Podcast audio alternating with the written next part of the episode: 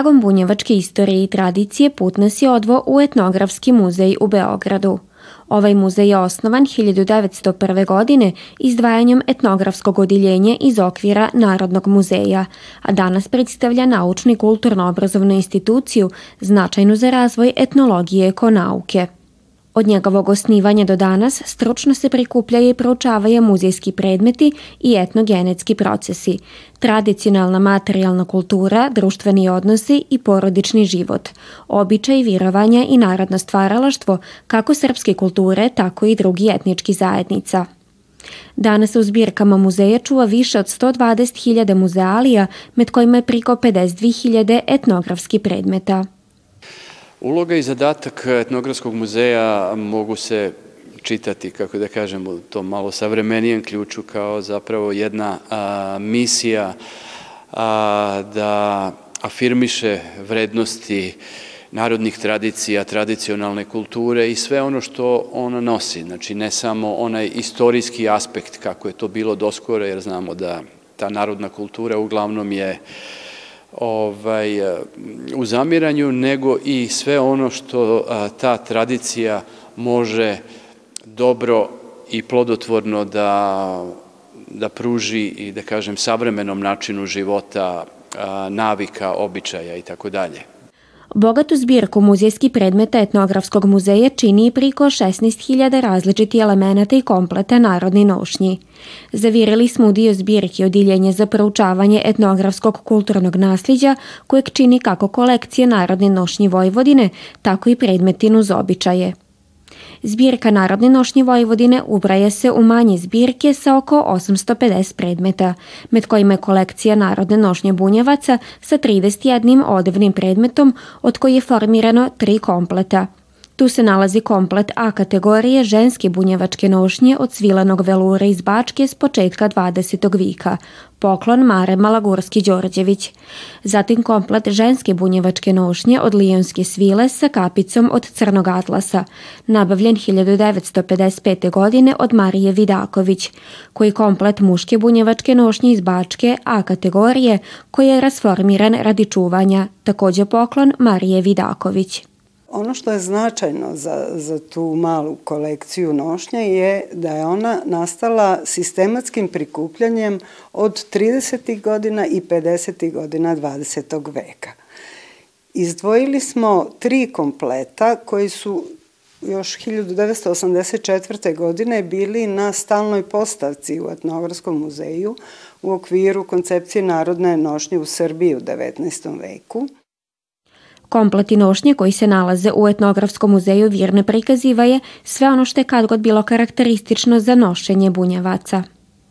Pored, da kažem, e, te pojave koja je, obuh, koja je nastala već u drugoj polovini 19. veka, kada se u nošnji bunjevaca e, napušta starinska, starinski tip nošnje, odnosno nošnja koja je izrađena u seoskoj, u kućnoj radinosti, onda je e, široko zastupljena upravo izrada nošnje od kupovnih materijala i to su oni skupoceni, veoma skupoceni materijali. Rekli ste jedno od tih bio, bila je lionska svila, Uh, osim toga što su skupoceni, uh, ti elementi nošnje su imali i socijalnu ulogu u, u obeležavanju. Pre svega bunjevačka nošnja imala jaka nacionalna i etnička, etničke osobine u odnosu na ostale nacionalne zajednice.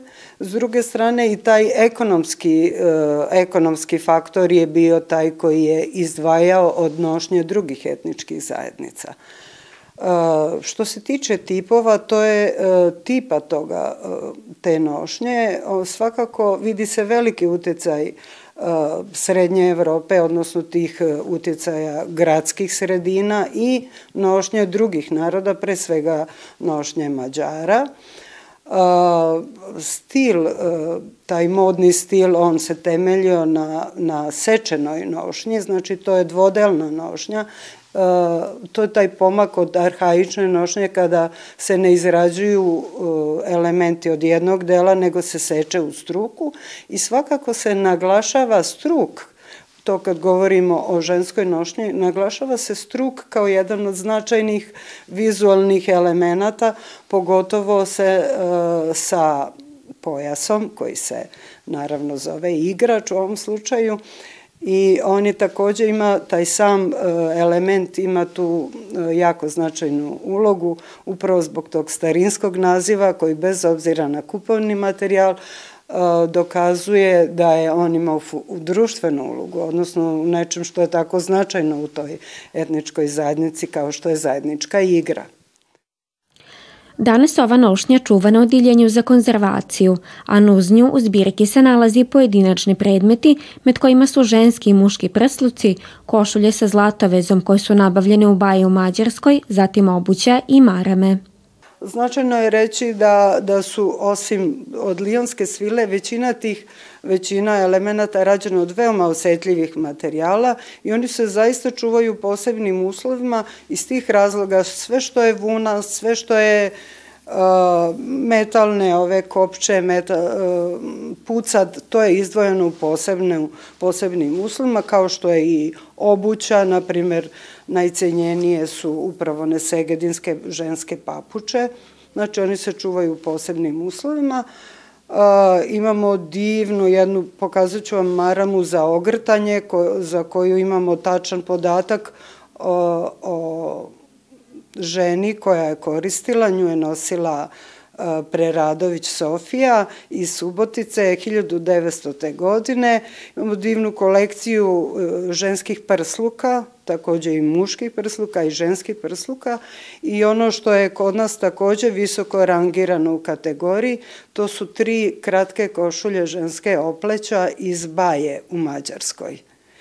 Ta, te tri košulje su nam naročito značajne, prikupio ih je naš prvi, jedan od prvih kustosa Nikola Zega 904. godine povodom prve stalne postavke i smatra se da su one upravo bile izložene na prvoj stalnoj postavci 904. godine. To su, da kažem, najstariji predmeti bunjevačke nošnje. E, dokaz da je ta nošnja izgledala nekad malo drugačije i da pojava ovih kupovnih materijala da je novija, novija pojava. Te košulje su izrađene u domaćoj radinosti, otkane su na tkalačkom stanu od finih, tankih, pamučnih materijala i muzejska dokumentacija beleži i termine za, za, za ornamente koji su kojima su ukrašavani, oni su ukrašavani u tkanju, vidjet ćete, to su e, da kažem, mi ih već zovemo popularno ružice, međutim oni se zovu čajna grana, zovu se topola i zovu se sakrament. Nošnja je jedna od važnih karakteristika naroda, a danas se ona u muzeju prikaziva kao dio javnog pamćenja, u što spada i brojni predmeti koji su se kad god koristili u okvirima nike zajednice – Tako se u etnografskom muzeju čuva i bogata zbirka predmetan uz običaje koja je rasla i razvijala se tokom cjelokupne istorije ovog muzeja, a najviše predmeta sakupljeno je u drugoj polovini 20. vika. Zbirka dana sadrži gotovo 2400 predmeta koji su privashodno povezani sa kršćanskim običajima i virovanjima, a med njima se nalazi predmeti vezani za bunjevačke običaje, prije svega dužijancu. Tako je u kolekciji jedinstvena kruna od žita iz 1932. godine koji ukrasi perlice od žita i slame. I ono što zapravo naše običaje spaja sa celim tim tokom, taj, ta reka koja se uliva u jedno veliko more u okean je zapravo ono što je svojevremeno i antropolog George, George Fraser uh, zapravo obradio da se slični običaje nalaze kod gotovo svih naroda sveta. Znači, manje više kod svih naroda sveta, ali na svim kontinentima. Zapravo, verovanje u taj duh žita, u taj duh vegetacije koji se na razne načine, a ovde na taj dekorativan i vrlo visoko estetski način a, a, napravi, zapravo da liči na, na jedan ukras, ali ima i svoju tu, da kažem, ritualnu funkciju, jer se smatra da taj duh žita u tom predmetu koji, je, koji se nalazi, da će on obezbediti plodnost, dobar rod i, da kažem, berićet i za onu narednu sezonu i za narednu, i narednu žetvu i onda se neke delovi tog ukrasa, seme i još neki delovi, oni se pri sledećoj setvi isto koriste da bi na magijski način obezbedili dobar rod i u sledećoj, i u sledećoj žetvi. Kako bi dragocine predmete vezane za bunjevačku zajednicu koji se nalaze u Etnografskom muzeju u Beogradu približila mlađim generacijama, Ustanova kulture Centar za kulturu bunjevaca je u svojem virtualnom muzeju Bački bunjevaca postavila fotografije ovih eksponata, kako bi ostali trajno zabiluženi i na uvid svima koje zanima istorija, kultura i tradicije bunjevaca zaista je značajno iz nekoliko razloga. Prvo što, naravno, da bi se približilo mlađim generacijama, moramo da govorimo njihovim jezikom, njihovim tehnološkim jezikom, tako da kažem. I zbog toga je ta digitalni, taj digitalni pristup veoma značajan. A s druge strane, opet što je koleginica Vjera rekla, a, nažalost, predmeti kad god se vade iz zbirke, iz depoa i tako dalje, oni su već pod rizikom od atmosferskih uslova i tako dalje, što se više manipuliše njima, nije baš poželjno. I baš zbog toga, ovaj, da kažem, te digitalne forme su prava zamena ovaj, pogotovo kada su iz raznih uglova, iz raznih dimenzija, kada imamo tri dimenzije, ovaj, da bi se nešto više saznalo o toj kulturi u tom nekom i vizualnom i suštinskom smislu. Iako se i danas bogata tradicija, običaj i kultura bunjevaca niguju med narodom, važno je da istorije sačuvati i kroz institucionalni okvir u sklopu muzeja, biblioteka i arhiva, ko što se to čini i u Etnografskom muzeju u Beogradu, jer se time stvara trajno svidočanstvo o postojanju i životu jednog malog naroda koji je utko sebe u stvaranje današnje države.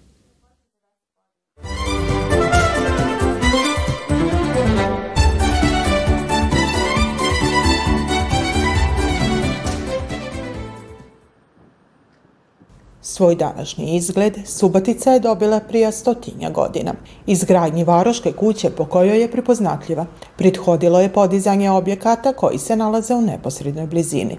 Med ondašnjim palatama, koje i danas ponosno stoje i svojim izgledom mame prolaznike je i palata Lazara Mamužića gradonačelnika s najdužim stažom koja se nalazi na uglu Đure Đakovića i parka Ferenca Rajhla. Nalazimo se u parku Franca Rajhla, koji je svakako dobio ime naravno po Rajhlovoj palati, odnosno njenom arhitekti kreatoru, vlasniku Francu Rajhlu. Ali ono što mali broj subotičana zna, da se ovo mesto nekada zvala Rogina bara. U suštini nalazimo se na mestu gde negde u drugoj polovini, sredinom 19. veka još nije postojao park, u stvari nisu postojale ni parcele na kojima danas stoje ove predivne palate, nego se nalazila jedna močvarna zona i e, tadašnji roditelji koji su se malo plašili zbog svoje dece, jer se ne jednom desilo da se preko zimskog perioda, na primer, e, ta močvara zamrzla, da su se deca klizala, propala, čak e, davila, onda su smislili da se ovde nalazi neka takozvana babaroga, pa su po tome nazvali e, ceo region Rogina bara. Jako dugo u, seća, u sećanju Subotičana se u stvari ovo mesto zove e, Rogina bara i naravno ono se isušilo. Pre svega kada smo dobili železnicu 1869. godine, dakle e, isušili su močvaru, iznivelisali su teren, pripremili su sve u okolini u stvari za dolazak železnice koja je povezala Suboticu sa velegradovima tadašnje Evrope i to je naravno i danas tako. E, međutim, nekako u sećanju Subotičana je bilo i dalje da je ovo bio močvarni teren, plašili su se graditi, e, cena parcela je drastično opala i tadašnji gradonačelnik Laza Mamušić svakako je hteo da nastavi svoj rad na urbanizaciji grada. Upravo je ovaj gradonačelnik bio prvi koji je tio dokazat da nema mista za strah kad je rič o gradnji na pomenutom terenu. To je i učinio podizanjem prve u nizu palata koje se nalaze na adresi Park Ferenca Rajhla. Dakle, godina je 1891-92 i naravno kako je to postala jedna vrlo raskošna neorenesansna palata, odmah je nekoliko istaknutih subotičana odlučilo da takođe izgrade svoje kuće, odnosno svoje palate i do železničke stanice u nizu to se zaista i dogodilo, odnosno e, Lajoš Vermeš, e, javni beležnik e, Simeon Leović i na samom kraju u stvari jedan ugostitelj Karoj ili Karlo Lichtnekert. Izgradili su svoje palate. Ono što poveziva ove četiri palate jeste njev reprezentativni, ujedno i najlipši dio koji gleda na ulicu. I takođe svaka palata doslovno ima jedno malo dvorište koje je oivičeno ogradom. To je u stvari jedna dekorativna niža ograda, bukvalno svaku palatu karakteriše e, to jedno manje dvorište i to je nekako bilo i u modi tu negde krajem 19. veka. Palata Laze Mamužića građena je u stilu neorenesanse. Kreirati u stilu neorenesanse je na neki način pokazivalo i i e, vrstu raskoši, e, vrstu otvorenosti, e, vrstu e, izgradnje građanske svesti, jer renesansa je sama po sebi znači neki preporod, e, okrenutost ka čoveku, slobodu kreacije i ona je sama po sebi tada u 15. 16. veku imala uzor u staroj grčkoj i rimskoj arhitekturi i uopšte umetnosti i taj stil nekako opet e, zaživljava, kažem, poslednjih nekoliko decenija 19. veka. Tako da je Subotica u stvari na prvom mestu interesantna ne samo po secesiji, nego po tome da imamo jako veliki broj palata koje su kreirane upravo u tom stilu ili neogotike ili neorenesanse. U ovom slučaju gradonačelnik Laza Mamužić e, dao je e, odnosno zadužio je arhitektu Titusa Mačkovića, najvećeg arhitekta Subotice, da e, kreira njegovu palatu. Inače, Titus Mačković je u tom periodu ponovo samo bio glavni gradski arhitekta i u roku od nekih godinu dana, 1891. na 92. godinu, palata je izgrađena i završena.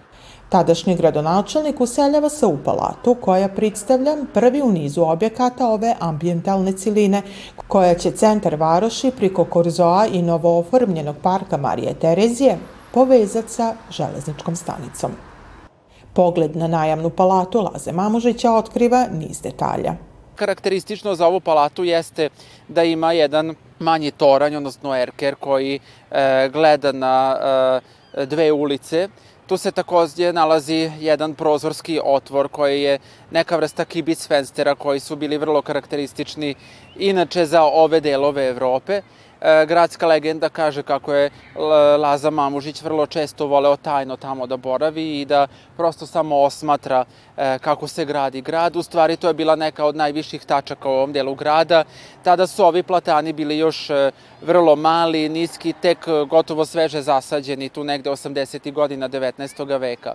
Takođe, karakteristično za palatu i za sve neorenesansne palate jeste da je e, donji deo odvojen od spraktnog dela e, jednim kordonskim e, vencem. Dakle, tačno vidimo koji je donji deo palate, koji je gornji deo palate. Takođe, postoji neka razlika u samim prozorima. Dakle, prozori dole vidimo da su lučno zasvedeni, dok na prvom spratu već vrlo karakteristično vidimo da oni imaju jedan uglasti timpanon. Dakle, opet samo vrlo karakterističan za e, neorenesansu i jedan izuzetno lep dominantan balkon i direktno iznad ulaznih vrata. Kroz ta ulazna vrata naravno ulazio je i sam gradonačelnik sa svojom porodicom i svi njegovi gosti, naravno uvaženi građani tadašnje e, Subotice. Vrlo je lepo i svakako mogu da nekako i pozovem Subotičane kada šetaju ovim delom grada, pogotovo pre podnevnim časovima e, kada su vrata otvorena da uđu makar u hol i da pogledaju izuzetno raskošno stepenište, ostatke tadašnjih e, fresaka i ovde vidimo kako se preslikava neogotika u neorenesansu. Možemo da zamislimo pre nekih 130 godina koliko je bilo izuzetno interesantno, elitno, možda i uzdižuće ući u ove naše e, gradske palate u srcu Evrope. Poveznica za divan ovoj palati, uz arhitektu Titusa Mačkovića, bio je svakako i gradonačelnik Mamužić, koji je ostao upamćen kao jedan od najznačajnijih čelnika Varoši. Subotica je svakako imala dvojicu izuzetno istaknutih e, gradonačelnika kojima možete zahvali svoj e, zlatni period. To su bili e, Laza Mamužić i Karoj Biro. Laza Mamužić je vodio Suboticu nekih 18 godina, dakle gotovo dve decenije i to su upravo bile one dve decenije koje su ostavile gotovo najveći pečat na arhitekturu same Subotice Zatim će doći e, Karoj Biro za vreme kojeg će se izgraditi sinagoga i gradska kuća i e, svakako e, Palić e, dobija tada nekoliko objekata. Tokom posljednje dvi decenije 19. vika razvoj građanstva i industrije utiče i na arhitekturu, što su svakako pripoznali i pomenuti gradonačelnici. Osim toga, Laza Mamužić bio je poznati kao dobrotvor. Dakle, otvarale su se bolnice, otvarale su se škole, zastupao je interese bunjevaca, inače u e, parlamentu, u mađarskom parlamentu, međutim, e, u tim interesima nije postigao e, neka veća politička postignuća i to mu se često zamera. Istovremeno, sa druge strane, mu se zahvaljuje što je zaista e, postigao da Subotica dođe do te neke evropeizacije, odnosno da dođe do tih nivoa evropskih gradova kakvi su bili i neki drugi vele gradovi na području Austro-Ugarske monarhije. Takođe, ovaj gradonačelnik bio je i veliki intelektualac.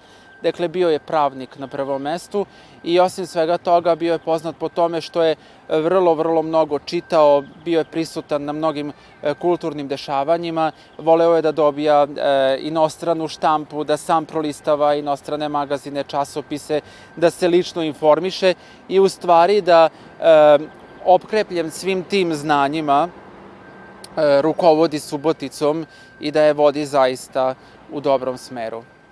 I pripovitka o ovoj palati otkriva nam dio života koji se u Subatici odvio prije više od 100 godina. Takođe, pokaziva nam koliki su utica imali oni koji su je izgradili kroz njev trag u urbanističkom smislu, u čemu značajno misto ima je svakako i pripadnici bunjevačke zajednice.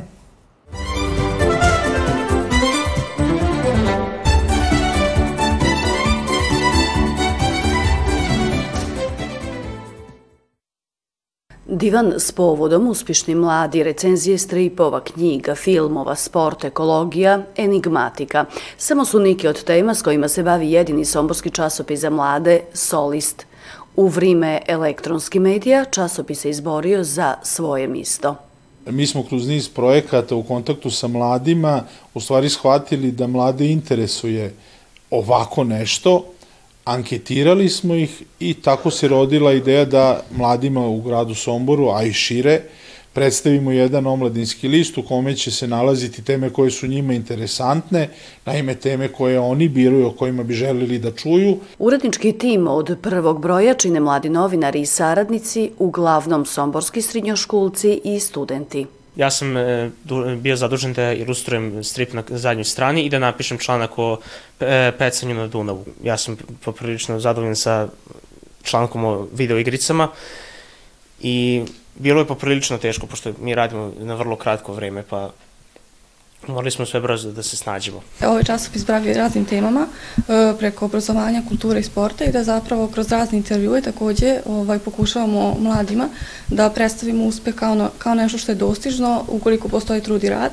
Tako da moj doprinos je zapravo za drugi broj koji izlazi kraja maja e, bio intervju sa gradonačelnikom e, grada Sombora, dakle sa Antonijom Ratkovićem, gde smo mi, to je gde je on, kroz odgovore na neka malo ličnija pitanja, predstavio svoje motive i svoj neki razvojni put i mi verujemo da će to motivisati e, druge mlade ljude da se takođe trude i da uspeju u oblasti koju su oni izabrali. U moderno osmišljenom časopisu objavljiva se i poezija, proza, kratke pripovitke koji crteži, fotografije i ilustracije mladi autora bio sam zaslužan za vizualni identitet celog magazina, ali drugu, drugi broj, drugu naslovnu stranu smo već prepustili malo mlađima da se i oni okušaju. No, uz podršku grada Sombora, Centar za prevenciju, edukaciju i bezbednost sa svojim mladim novinarima privodi kraju rad na drugom broju časopisa, a urednički tim najavljiva lipe i zanimljive teme. Nama je bio cilj da predstavimo mladima, uspešne mlade ljude, kako bi oni mogli da vide da da se ugledaju, ajde da tako kažemo, na njih i da istraju onome što zaista žele. Moram istaći da imam jedan predivan članak o udruženju Bunjevačko kolo, zatim razgovor sa gradonačelnikom Antonijem Ratkovićem, imamo članke koje su pisali o ekologiji u svetu mode, o sportu, muzici, zdravim stilovima života. Časopis je besplatan, učenici ga mogu nabaviti u srednjim školama, domovima učenika i studenta i gradskoj biblioteki, a u elektronskom obliku i na sajtu i Facebook stranici izdavača.